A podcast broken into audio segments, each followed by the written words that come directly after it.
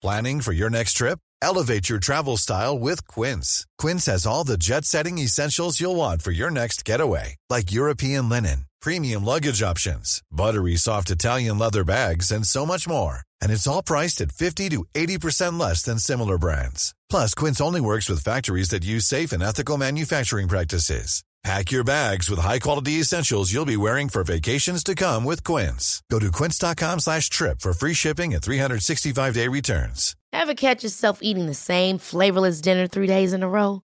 Dreaming of something better? Well, HelloFresh is your guilt-free dream come true, baby. It's me, Gigi Palmer. Let's wake up those taste buds with hot, juicy pecan-crusted chicken or garlic butter shrimp scampi. Mm. Hello Fresh.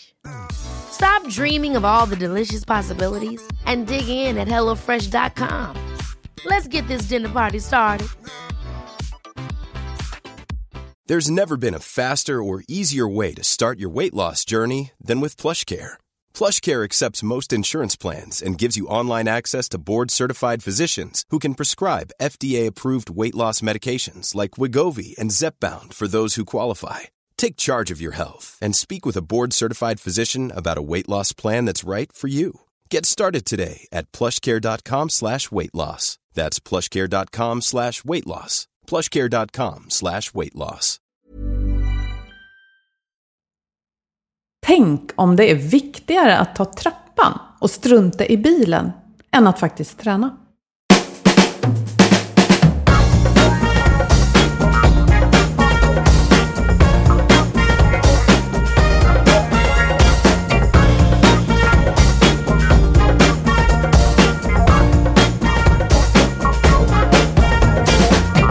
Här är Health for Wealth, en podd om hälsa på jobbet. Vi är Ann-Sofie Forsmark, hälsomanagementkonsult och Boel Stier, copywriter och kommunikatör. Vårt motto är att hälsa och lönsamhet hör ihop om man satsar långsiktigt och hållbart. Men hur gör man för att lyckas? Det tar vi reda på i den här podden. hej och välkomna! Idag ska vi prata om att lågintensiv fysisk aktivitet är mycket mer värdefullt än vad vi har trott. Kanske är det till och med viktigare att röra på sig i vardagen än att köra hårt och delta i tuffa lopp. Ja, vi får väl se vad samtalet ger. Men först ska vi prata om några framtidsfrågor som vår partner Skandia är nyfikna på. De undrar, vilka är de nya företagen som tar Sverige in i framtiden och skapar morgondagens jobb? Och hur skapar kreativitet, tillväxt och konkurrensfördelar? Ja, för att besvara de här frågorna så har Skandia i samarbete med tidningen Fokus, en personlig favorit måste jag säga, eh, skapat ett specialnummer om just de här frågorna. Och du som lyssnar, du kan faktiskt få ett exempel av tidningen. Ett exemplar. Ett exemplar. Ja. Ja, så heter det ja. Mm, det är bra. Tidningsbranschen talar här. Jag säger fel. och ehm, ja, du som lyssnar kan få ett exempel. Och då kan du läsa bland annat om hur, eh, ett exemplar, nu säger det igen. Varför kreativitet är på modet och hur det bidrar till tillväxt. Och hur smarta telefoner massakrerar våra hjärnor och vad vi kan göra åt det. Mm, brutalt det där med massakrerade Ja, hjärnor. Blir du nyfiken, då kan du skicka ett mejl till event.skandia.se.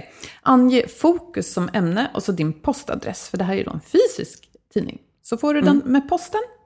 Vi får den hem varje fredag. Love it. Den är jättebra. Mm, den är väldigt bra. Mm. Ja, precis.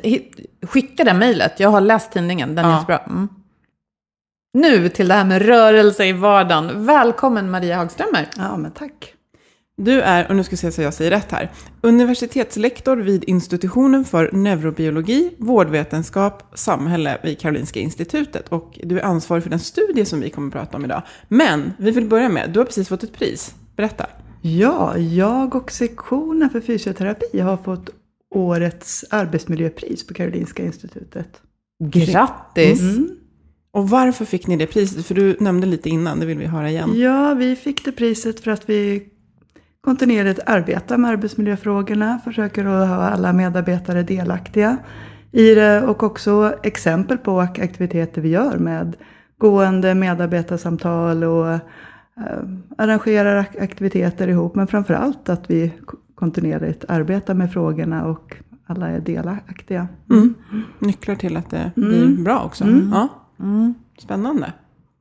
Och eh, den här studien som vi vill prata om idag då, den släppte ni ganska nyligen och den visar att den som ersätter en halvtimmes stillasittande om dagen med vardagsaktivitet, som jag tror vi behöver definiera också vad det kan vara, det minskar risken att dö i hjärt och kärlsjukdomar med 24 procent. Mm. Ja, och då vill vi förstås höra, vad är det ni har studerat? Ja, vi har... Egentligen var det för 15 år sedan som vi var bland de första, eller var de första i världen att använda rörelsemätare, objektiva, det som vi idag har i de här aktivitetssambanden.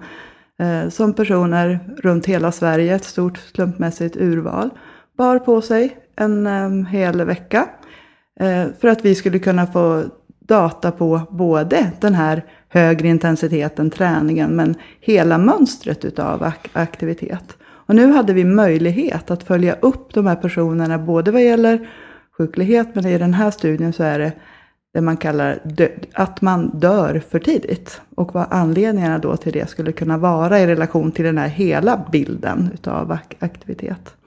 Så för 15 år sedan, då var det ett visst antal människor som använde sådana här rörelsedetektorer under en vecka. Och nu kunde ni se då ja, hur, hur många hade överlevt och om man då inte levde längre, varför hade man avlidit och var man sjuk så kunde ni också se det. Är det så det går till? Ja, ungefär så. Man kan ju inte riktigt säga varför, men man kan det är ju det här med statistik. Som man då försöker göra beräkningar och använda så sofistikerade metoder som man bara kan. Så att datat från personernas mätning är för 15 år sedan. Och det är så pass lång tid att om man skulle göra det vi kallar för ett tvärsnitt, att titta på befolkningen idag och så titta på samband med insjuknande eller så, så är det ju sannolikt så, har du fått en sjukdom så har du minskat din aktivitet och har ökat din smärta, så då finns det inte mycket problem. Men det här är så pass lång tid att man med större säkerhet kan säga vad det är. Men det, det vi har gjort i den då så har vi både tittat på det som är stillasittande. Um, som inte, det finns en hel del forskning på det, men det, är en, det mesta av det är sådana här tvärsnittsstudier. Vilket gör att man inte riktigt med säkerhet kan säga om sambanden. Så det blir spännande att diskutera mer lite se, senare också. Men här har vi både då tittat på stillasittande och det som vi kallar låg intensitet. Och sen måttlig och högre. Och så att man kommer upp i, i puls. Kan vi definiera dem lite grann? Alltså stillasittande, alltså ordet indikerar ju att jag sitter stilla Ja, eller det kan ligger vara. Ja. lig, sitter eller ligger eller faktiskt står stilla också. Mm. Så det kan inte, den rörelsemätare som vi hade kunde inte särskilja det. Nej. Utan den man, man, lite pragmatiskt, kommer man under ett visst värde så rör man sig inte. Nej. Men du kan ju stå stilla också. Så, Absolut. att det, Mm. så stillastående, stillasittande och, och liggande. Men vi har ju tagit bort sömn. Så det är vaken tid. Mm. Ja, den vill vi ju gärna prata bra om sen. Ja, det vill vi absolut Ja, vill vi. göra. Ja. Ja. Och, då, och nästa steg upp är ju lågintensiv rörelse. Och vad kan det motsvara då? Mm. Då Vad kan det handla om? Så jag skulle vilja kalla det för låg intensitet. För Mm. definitionsmässigt så är lågintensiv träning och rörelse det som kallas för måttlig intensitet. Mm. Så att det är lätt, ska du göra någonting på ja. Ja, Men det. låg intensitet det kan handla om rörelser i vardagen. Man går till kopieringsmaskinen, man eh, städar kanske lite hemma. Städningen kan ju vara Det kan vara brutalt. Det kan vara brutalt, absolut också. Plocka ur matkassarna och ställa i kylen. matkassarna. Men trapporna kan vara både brutala också Oh ja, och ja. lågintensiva. Så Ja. Men greja lite, så Att hänga man- lite tvätt ja, och flytta sig. precis. Ja, så. Flytta sig, ta steg. Man kan Ja. säga att det är väl sådana rörelser som vi alla i någon utsträckning gör om dagarna. Men Ja. det är klart, går vi mer i trappor då gör vi mer av det. Exakt. Åker vi mer bil så gör vi det Ja. mindre kanske. Ja, och, och det är samma sak på, på jobbet idag. Vi, försöker minska kopierandet, men då går man inte till kopiatorn Nej. istället. Det här med att, att skapa möjligheter under en arbetsdag. Att, vara, att växla sittandet med rörelse. eh, är, väl är väl sådana tydliga exempel. Och sen måttlig. Måttlig intensitet Ja. det är när man kommer upp i puls, att det känns något an- ansträngande. Man, börjar, man kan fortfarande prata.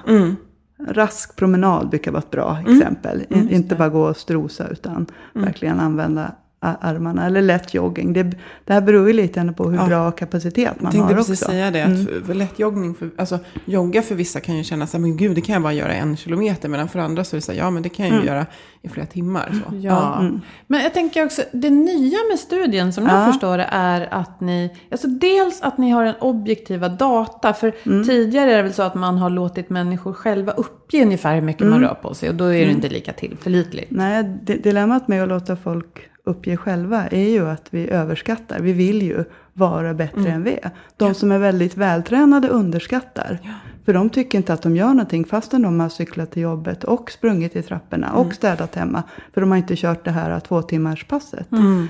Eh, medan de som inte rör sig alls ser, ja men jag var ju aktiv när jag var ung eller man vill, man vill vara det. Så att då blir bilden svår. Plus att det är mycket svårare att skatta träning, att säga att liksom jag tränar två gå- gånger i veckan. Det får man oftast bra eh, da- data på. Men att säga... Men det minns man väl, man Ja, gick det till minns gymmet man ganska väl. Precis. Men däremot det här låg, det som är på låg intensitet och sittandet. Vi har, det är så svaga samband mellan att självrapporterat sittande och faktiskt sittande. Det är många som säger, men jag sitter inte mer än tre timmar per dag. Men när man mäter objektivt så kan man komma upp till åtta.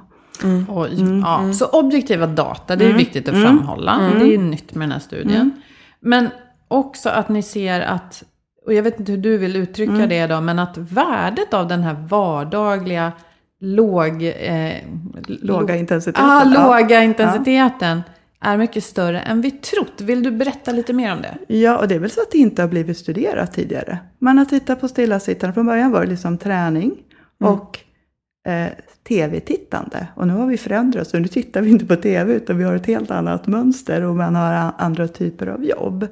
Ehm, så då har man tidigare studerat liksom de motpolerna, inte hela kontinuumet. Och att det har varit väldigt svårt att rapportera vad man gör i vardagen.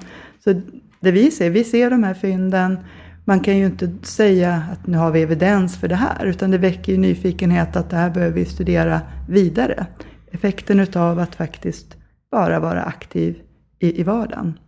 Men de här siffrorna Mm. som vi nämnde i början, jag ska se om jag kan repetera dem. Att man, den som ersätter en halvtimme stillasittande om dagen, och det kan ju Mm. jämföras med då att Säg att jag är på jobbet och kanske egentligen är stillasittande i sex timmar. Och så ersätter jag Mm. en av de timmarna mot en, säg då ett gåmöte på en halvtimme. Mm. Eller någonting sånt. Då kan jag minska risken att dö i hjärt-kärlsjukdom med 24 procent. Mm. Alltså det är ju väldigt tydligt att det här är en hälsovinst som man bara inte får missa. Nej, så är det. Ehm, och samtidigt så behövs det mer studier. Alltså det är ju, forskaren i mig säger nej, dra inga slutsatser. Nej, medan nej, sam, nej. samtidigt så finns det, det är ganska ty- tydliga bevis. Den här, det här med att ersätta, det har ju vi egentligen, vi har ju inte gjort en intervention. Och testat för att personen är mätta en, ett tillfälle. Mm, ni har inte styrt Eh, dem vi till har, att, vi har inte styrt dem, utan det här är ju datadriven. Att man använt statistiska metoder för att se vad händer om jag tar bort 30 minuter stillasittande och byter det mot låg intensitet. Hur ser det ut? Eh, och så det är ju ett, det här behöver ju bevisas i studier man faktiskt har ersatt Mm, tiden. Liksom. Att, ja. Men eh, det vi- är ett vi- antagande som det står ett på an- ganska god Ja. grund. Precis, så att vi fick det eftersom man använt de sofistikerade statistiska metoderna. Och vi fick den ju publicerad i en fin tidskrift, vilket Mm. gjorde att man, att man ändå tror på resultaten. Mm, Men de behöver bekräftas i att man verkligen gör den här förändringen. Nu har vi simulerat en förändring. Just det. Ja. Från den data ni hade. Mm. Precis, för att någonting som jag funderade på, det var lite att eh, vem, vem gäller det här för? För jag tänker att om någon Mm. som säger väldigt aktiv, alltså vart blir marginalnyttan mindre? Jag tänker att om jag är, är väldigt aktiv men sitter två timmar per dag och så tar jag bort så att det bara blir en och en Mm. halv timme. Så lär ju jag få mindre effekt än någon som sitter åtta timmar. Och, alltså där, ofta att Mm. man får den största marginalnyttan i början på en förändring när man är väldigt stillavarande. Hur kan ni Precis. dra slutsatser där? I den här studien har vi inte kunnat studera det. Men andra, an, annan forskning, vilket de- delvis stärks i vårs, är ju att den största nyttan får man. Får de lågaktiva att bli lite aktiva. Inte de högaktiva att bli än, ännu mer aktiva. Och det är väl där den stora, vad ska man säga, folkhälsoparadigmen finns. Att mycket av budskapen som går ut får de som är aktiva att bli mer aktiva. Men det når inte de som är minst aktiva. Så där har vi ju både arbetsplatser men liksom samhället i stort. En stor uppgift tycker jag. Och det, där är, kan du få personer som inte är aktiva alls att vara aktiva i sin vardag lite mer. Så kommer vi göra jättestora individuella vinster men också på folkhälsonivå. Ja, samhällsnivå. Så jag tänker, här är ju liksom du som känner att du inte håller på och tränar jämt. Det är du som är den potentiella hjälten här. Att bara ta det där gå-mötet eh, en gång per dag eller nå- någon, någon gång i veckan kan betyda väldigt, väldigt mycket. Och då kan du få dina kollegor att få samma hälsovinst. Mm. Och just att den tröskeln känns ju inte oöverstiglig. För då handlar det inte om att jag ska ut och köra tre timmar hårt i veckan. Och det jag tänker också det är att det är ju, det är ju lättare att gå från att då vara uppe och liksom röra sig en halvtimme till att lägga till minuter än att gå från noll till, ja just det, man ska ju tydligen 30 minuter per dag plus varje timme. Plus styrketräning, plus liksom Det blir flåsträning. Ja, men, men den här förändringen, den, det är ju lättare sen, ja men lägg till. Ja, stå väl lite mer, gå lite mer. Jag tänker på en annan viktig sak också.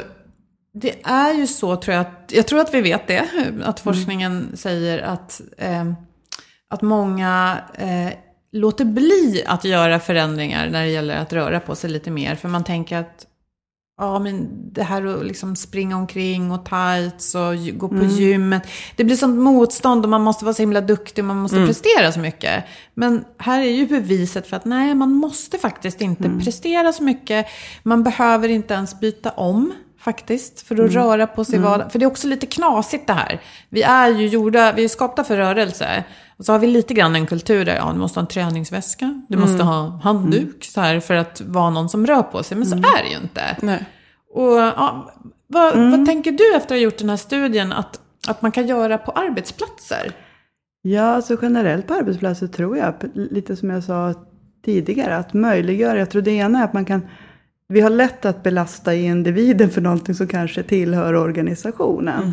Och att arbetsplatser, jag menar, på min arbetsplats kan jag styra själv, för jag har ett fritt arbete inom akademin. Jag kan välja om jag står eller går. Visst, det blir mycket sittande möten, men det är ändå, jag kan styra. Men alla som inte har, du tänker la- lastbilschaufförer, bu- busschaufförer, så man har, det här är låst, så tror jag att, att man organisatoriskt skulle kunna möjliggöra mycket, alltså möjliggöra att vara aktiv under, eller vara i rörelse under pauser, under raster, att inte rasterna är så korta och så. Och på arbetsplatser där man kan styra så är det ju Ja, men lyft, lyfta frågan och få individer själva tror jag att fundera över vad, vad kan jag göra? Precis, men det, det handlar om att jobba på alla nivåer. Att Ja, det, det, om, om jag, jag brukar säga det, att de flesta presterar ju allra bäst i sina jobb när de är alltså, fram, alltså vi- via kanske framför skärmen. Och det, det måste vi göra, men vi vet att vi också måste röra på oss. Och då måste vi skapa förutsättningar för det, för det blir väldigt tungt för individen att om det inte ens går att stå vid skrivbordet eller jag inte skriver ut någonting. Alltså jag måste tänka så himla mycket. Och jag menar, det, det, sen kan det, vara, det kan ju vara svårt att bygga om ett kontor bara för det här. Men vad kan vi göra på organisationsnivå? Vad kan vi göra i vårt team utifrån till exempel det här med gå-möten? Och, och sen också vilka förutsättningar ger vi individen? För Jag kan säga att man kan ju, ibland kan vi behöva ha att det ringer ett alarm varje timme på klockan. Att man ska upp och gå runt lite grann. För att det är ju lätt att bara fastna. Det är ju lätt att bli sittande. Det, är ju ingen, kon- det vet vi ju alla. Det är skönt, man sitter Nej. där. precis. Jag hade bo, jag har bo- både en kollega som, när det blev allt det här med sittandet, att det var så farligt, sa men nu får man ju smygsitta också. Ja, Som att smygröka och smygsitta. Ja, här sitter eh, du. Vi har en Ja. annan kollega som forskar inom ergonomi, alltså arbetsrelaterad eh, hälsa. Och han, han och några har försökt att sopa bort det här begreppet att sitta är det nya röka. Ja. För röka ska vi absolut inte göra. Nej. Men sitta är, är okej, Ja. men med måtta. Så hellre se sittandet som sola. Du kan göra det, men gör det inte hela tiden. Nej. Gör det med liksom, medvetet. Ja. Det var en jättebra Ja. liknelse. Ja. men vi hade Maria Ekblom här från GIH som Mm. just spräckte den här myten. För det var ju till och med någon minister då som gick Mm. ut och sa att sitta är det nya röka. Men det, det är en ganska dålig jämförelse. Ja, det blir Ja. jätte... Och då tror jag att man...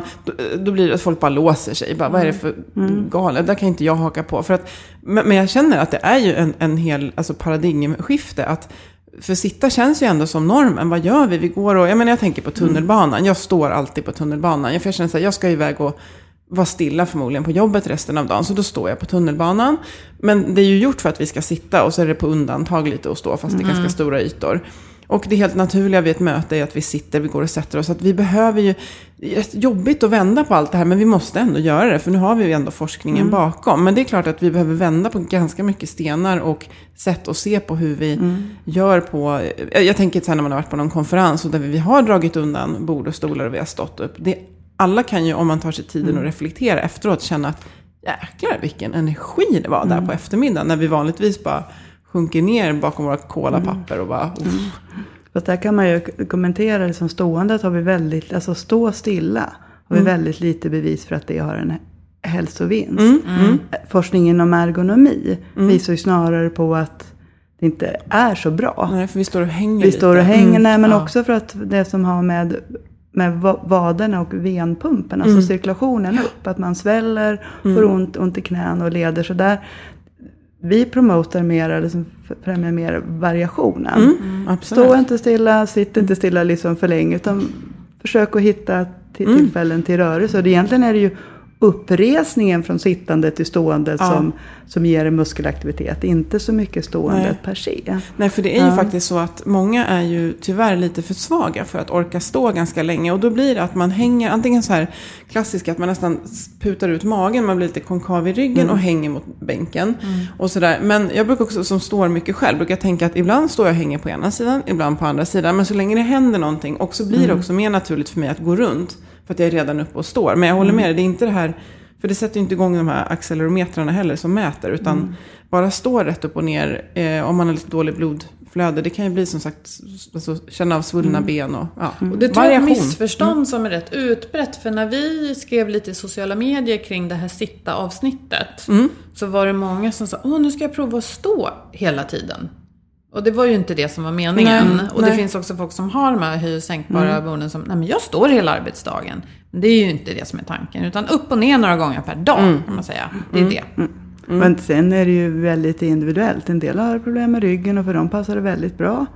Och, och stå hela dagen, men då har man oftast en ståmatta och också hitta, Ja. hitta variation i ståendet. Och för andra har problem med knäna kanske och då är det inte så bra att stå hela dagen. Utan, eh, men det är variationen. Variation, det tar vi. Ja. Och vi har ju pratat ibland om sånt här som, eh, vi snackade om din power hour, att man kan ha några så här, vad kallas det för, dragband som sitter någonstans på Gummiband. ja, kontoret. Att man går och gör lite så här dragövningar bara. Ehm, och så skulle man kunna ha någon annanstans en matta där man kan eh, stretcha lite om man känner för det. Alltså det är ganska lätt att inrätta sånt där om man har lite yta på jobbet. Och har man lite yta så går det, gummibanden tar ju ingen plats. Man har Och då bygger det här lite på kontorsarbete. Jag värnar ju liksom för alla andra. Ja, Alltså den ja. här lite att högutbildade som har kontorsarbeten tränar oftast i alla fall. Ja, absolut. Det, sen finns det Vilka är mest absolut, utsatta? Vilka yrkesgrupper? Alltså både yrkesgrupper som har fysiskt ansträngande jobb som blir enas, en, enasidiga. Mm. Och då blir det också inte kanske något utrymme för träning fast de skulle be- behöva träna.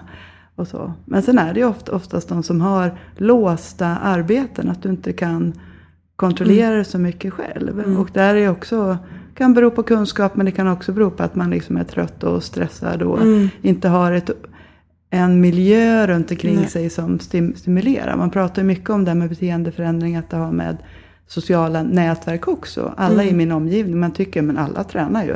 Ja men det är för att de jag träffar tränar. Ja, det finns ja. så många Ja, som men in, inte gör det. Nej, det hänger Så, ihop det är med... liksom, så jag tror att ska vi, för individen och vi, oavsett så tror jag att alla de här med variation är viktigt. Men jag tror att man också måste tänka organisatoriskt utifrån de arbetsplatser som inte har dem. Där individen inte har möjligheten själv. Busschaufför. Ja.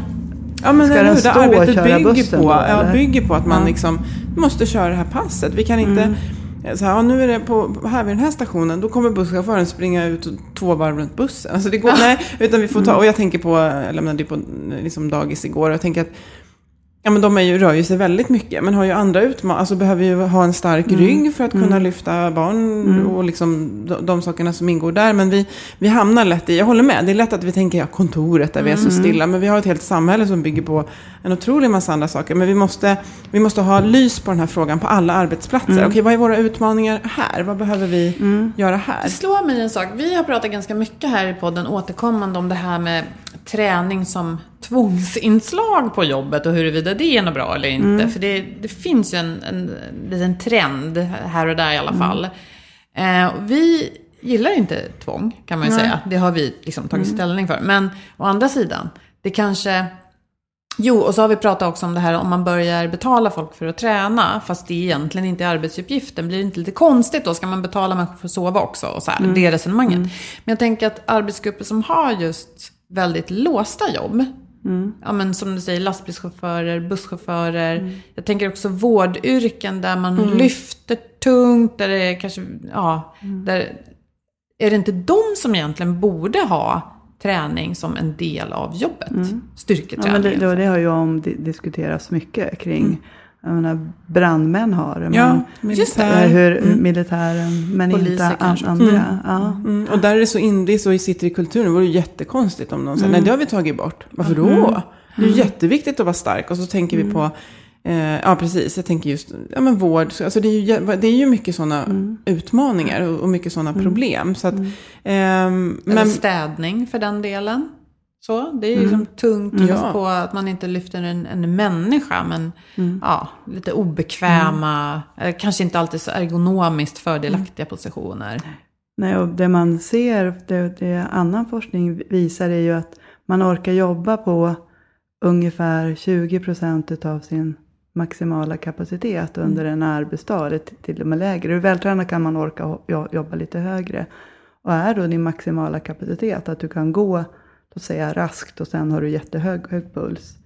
Då orkar du egentligen inte göra så mycket, vilket gör att den som är då städare, den städar ju väldigt väldigt lugnt kan man Ja, säga. mm, Så ja. att det, det blir inte så mycket rö- rörelse i det heller. Så att det, det är det som, som mycket talar för. ja.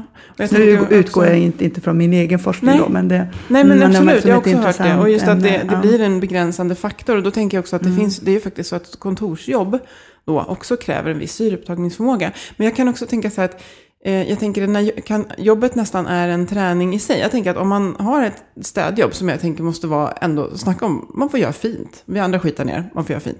Men jag tänker att om- man utför det ergonomiskt under många timmar så är kanske städningen träningen i sig och man klarar av sitt jobb. Man behöver inte gå därifrån för att gå till ett gym. Men däremot kan det vara att jo, men jag behöver kanske ta hand om ryggen lite extra. Men man har säkert jättemycket steg på sin smartphone när man tittar på den. Och man känner också att man har jobbat fysiskt. Och man kan med god rätt gå hem och slänga sig på soffan och kolla på Netflix. Medan vi andra måste, okej, hjärnan har jobbat hela dagen, men jag måste få igång min kropp nu. Sådär. Mm. Så kan man nog se det. Jag, jag håller inte he, helt med. Utifrån att, Utveckla. ja, men lite att man, man rör sig, så den, den rörelsen får du nog som är hälsofrämjande. Men jag tror inte att du får tillräckligt mycket, att man inte utmanar liksom Nej. musklerna. För, det, för att stärka musklerna och stärka hjärtat så behöver man ju belasta dem lite mer än, än bara Ja, vanligt. Alltså man måste spänna bågen. Ja, Mm. ja. Mm. Eh, Det och det är ju- behöver man då göra någon gång för att inte sen när du jobbar, jobba nära ditt eget tak. Utan att kunna ha de här reserverna. Så att, Nej, jag håller eh, helt med. men Det var man det jag menade med ja, att man precis. behöver gå iväg och... Ja. Jag, behöver vara, jag behöver ha marginal för det jag gör Mm, under dagen. precis. Och min marginal för att jobba kanske inom vården är en helt annan mot en marginal eh, jag har för kontorsjobb. Men ofta är det ju människor i kontorsmiljö som är de som också, Mm. alltså om man generaliserar, ändå går iväg och tränar. Mm. Egentligen en frågeställning vi kan ta med oss där är ju varför har inte städare till exempel eh, träning på arbetsschemat så som till exempel brandmän har?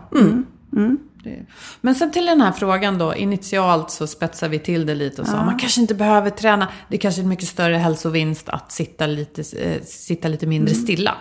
Hur, hur kan man se den? Eh, Alltså jag tror att vi kommer att komma till ett steg där vi vet mer om vad är optimalt. Alltså, jag tror inte man ska, de starkaste bevisen är fortfarande för det som har med träning att göra. Eh, eller lite högre intensitet och, och muskelfrämjande. Och rekommendationerna har egentligen alltid varit att det här ska vara utöver din vardagsaktivitet, inte utöver ditt sittande. Det, vill säga, det har aldrig varit sitt i 13 och en halv timme och så går du en ha- ha- halv, halvtimme. Så det handlar väl om att vi får mer kunskap om det. Men sen var det det vi var inne på tidigare, att de största hälsovinsterna får vi nog utav de, om man inte är så aktiv överhuvudtaget att bara plocka, plocka in rörelse i vardagen så har du ändå fått en hel del hälsovinst. Och att de som redan är väldigt aktiva får inte så mycket mer hä- hälsovinst utav allt det här. Så det är väl... Mm. Mm. Och man kan väl också vända på det och säga då att om man tränar eh, tre, fyra, fem gånger i veckan och då är ganska aktiv på träningsfronten skulle jag säga. Men sitter stilla, vad vet jag, 11 timmar om dagen på en kontorsstol och sen i en bil. Så är det ändå inte riktigt så att man har tagit hand om sin fysiska hälsa. Ja, nej, Eller? alltså det, den, den senaste forskningen visar att de som, om man dubblar den re- rekommendationen, kommer man upp till den dubbla nivån så spelar det ingen roll hur mycket man sitter. Men det, jag har svårt att se en person som tränar väldigt mycket att sitta, för då har man ju ett medvetet, då är du medveten i övrigt också. Så där är ju, det är svårstuderat skulle jag säga. Det där är Ja. ytterligare ett väldigt intressant område tycker jag. Det här att om jag på något sätt lägger mig till med vanor av att röra mig. Antingen det är den här vardagsrörelsen eller mer intensiv träning. Vad händer med. Det är ungefär som att om jag äter en viss typ av mat så kanske jag vill ha mer av det. Alltså kommer jag då så att säga kräva rörelse i min vardag och på något sätt få det i ryggmärgen att inte hålla på och sitta stilla jämt? Eller? Mm, ja, men lite så är det nog. Att, att du, det blir både en inre motivation och du får ett behov av att, att röra på dig. Det är som alla, men om man tar alla smartphones eller ak- aktivitetsarmband utifrån att få återkoppling. De är ju väldigt, väldigt bra för att stötta att komma igång. Men för en som redan är igång, du vet ju. Och du känner i kroppen, men jag orkar inte, kan inte sitta still. Det kryper i dig. Så där är, har man kommit över så att det blir en inre motivation och också fysiologiskt känner det. Så, så är det svårt att sitta still så länge. Det är nästan svårt att flyga i 11 timmar. Mm. Ja. Och, och jag tänker också för många, jag föreläste just om det, om det här igår, att, att jag, här, jag lovar er, så här, ni behöver inte titta på de mest extrema träningsmänniskorna, men det finns någonstans där inne att kommer ni igång och rör på er så kommer det att kännas lättare, för det kommer ett sug inifrån. För att det är klart att vi programmerade lite grann, jag tänker evolutionärt kanske på att liksom spara energi, men titta på barn, alltså någonstans så tappar vi ju den här glädjen att röra på oss. De går ingenstans och springer överallt. Alltså de tänker ju inte alls på att spara energi. Utan det är upp och ner och fara runt. Så att det, det, det kan kännas som det är svårt att sitta still för oss som gillar att röra på oss. Och det kan vara jobbigt det också, men det är också positivt. För vi får till den här rörelsen. För den, vi vill ha den. Den kommer med. i- Ja, Vi vill ha den varje dag. Så man kan, om, om vi summerar avslutningsvis kan vi säga att som arbetsgivare, tänk igenom hur du kan hjälpa dina medarbetare att röra på sig mer under en arbetsdag. Om vi nu pratar om kontorsmiljöer. Och det finns nog ganska enkla knep. Vi pratar om de här gummibanden i något hörn. Och, och kanske att någon kollega har ansvar varje dag för att man har sån här pausgympa i fem minuter på lunchen. Alltså sådana enkla medel. Men sen också tänker jag att om man leder människor som har mer låsta arbetsuppgifter, då är det ju en ännu viktigare uppgift kanske. Och ja, Men jag tänker, jag ett väldigt konkret exempel, just det här att det kan vara svårt att gå från att vi alltid suttit ner på det här mötet till att vi ska bara stå hela gruppen utanför och bara, vart ska vi gå någonstans och hur lång tid tar det? Att någon tar på sig och göra förprogrammerade promenadrundor som är, Just det här är en kvart, det här är 30 minuter, det här är 40 minuter. Och kanske sätta upp och så kan man fota av med sin smartphone och det är markerat. Och så kan man lita på att, för det kan också vara att om vi går och har ett samtal, så, så känner jag kanske mig stressad över, skulle vi vänstra eller höger här? Att det, vi kan liksom fokusera på samtalet, för vi vet den här rutten som vi har. Och då, eh, jag jobbar lite ihop med Goodyear i Sverige, och de har faktiskt, hon har satt upp, jag hoppas att de får sitta kvar, men hon har satt upp markeringar på olika små rundor. Och några är väldigt korta, men då är också tröskeln att gå ut och ta den här rundan väldigt liten.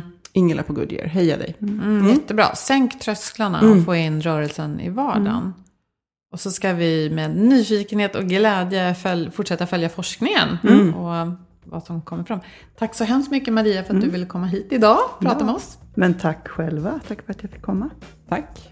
Och eh, ja, hur gör ni på Ja. era arbetsplatser? Vi vill veta. Ja. Och vi är säkra på att några av er sitter inne med supersmarta lösningar som vi inte har en aning om. Så berätta för oss på Facebook, på LinkedIn och på healthforwealth.se. Mm. Och vi vill också tacka våra samarbetspartners Skandia och Twitch Health och förstås Agda Media för den här produktionen.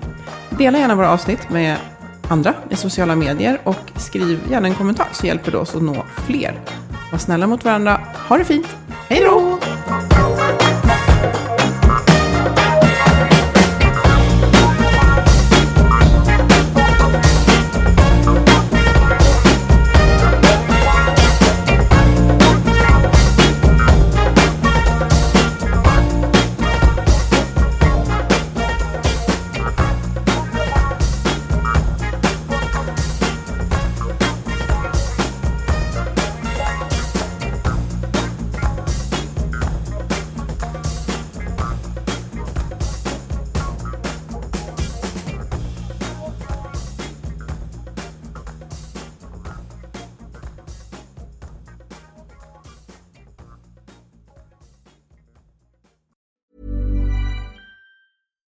Deserves the best, and there's no better place to shop for Mother's Day than Whole Foods Market. They're your destination for unbeatable savings, from premium gifts to show-stopping flowers and irresistible desserts. Start by saving 33% with Prime on all body care and candles. Then get a 15-stem bunch of tulips for just $9.99 each with Prime. Round out Mom's menu with festive rosé, irresistible berry chantilly cake, and more special treats. Come celebrate Mother's Day at Whole Foods Market.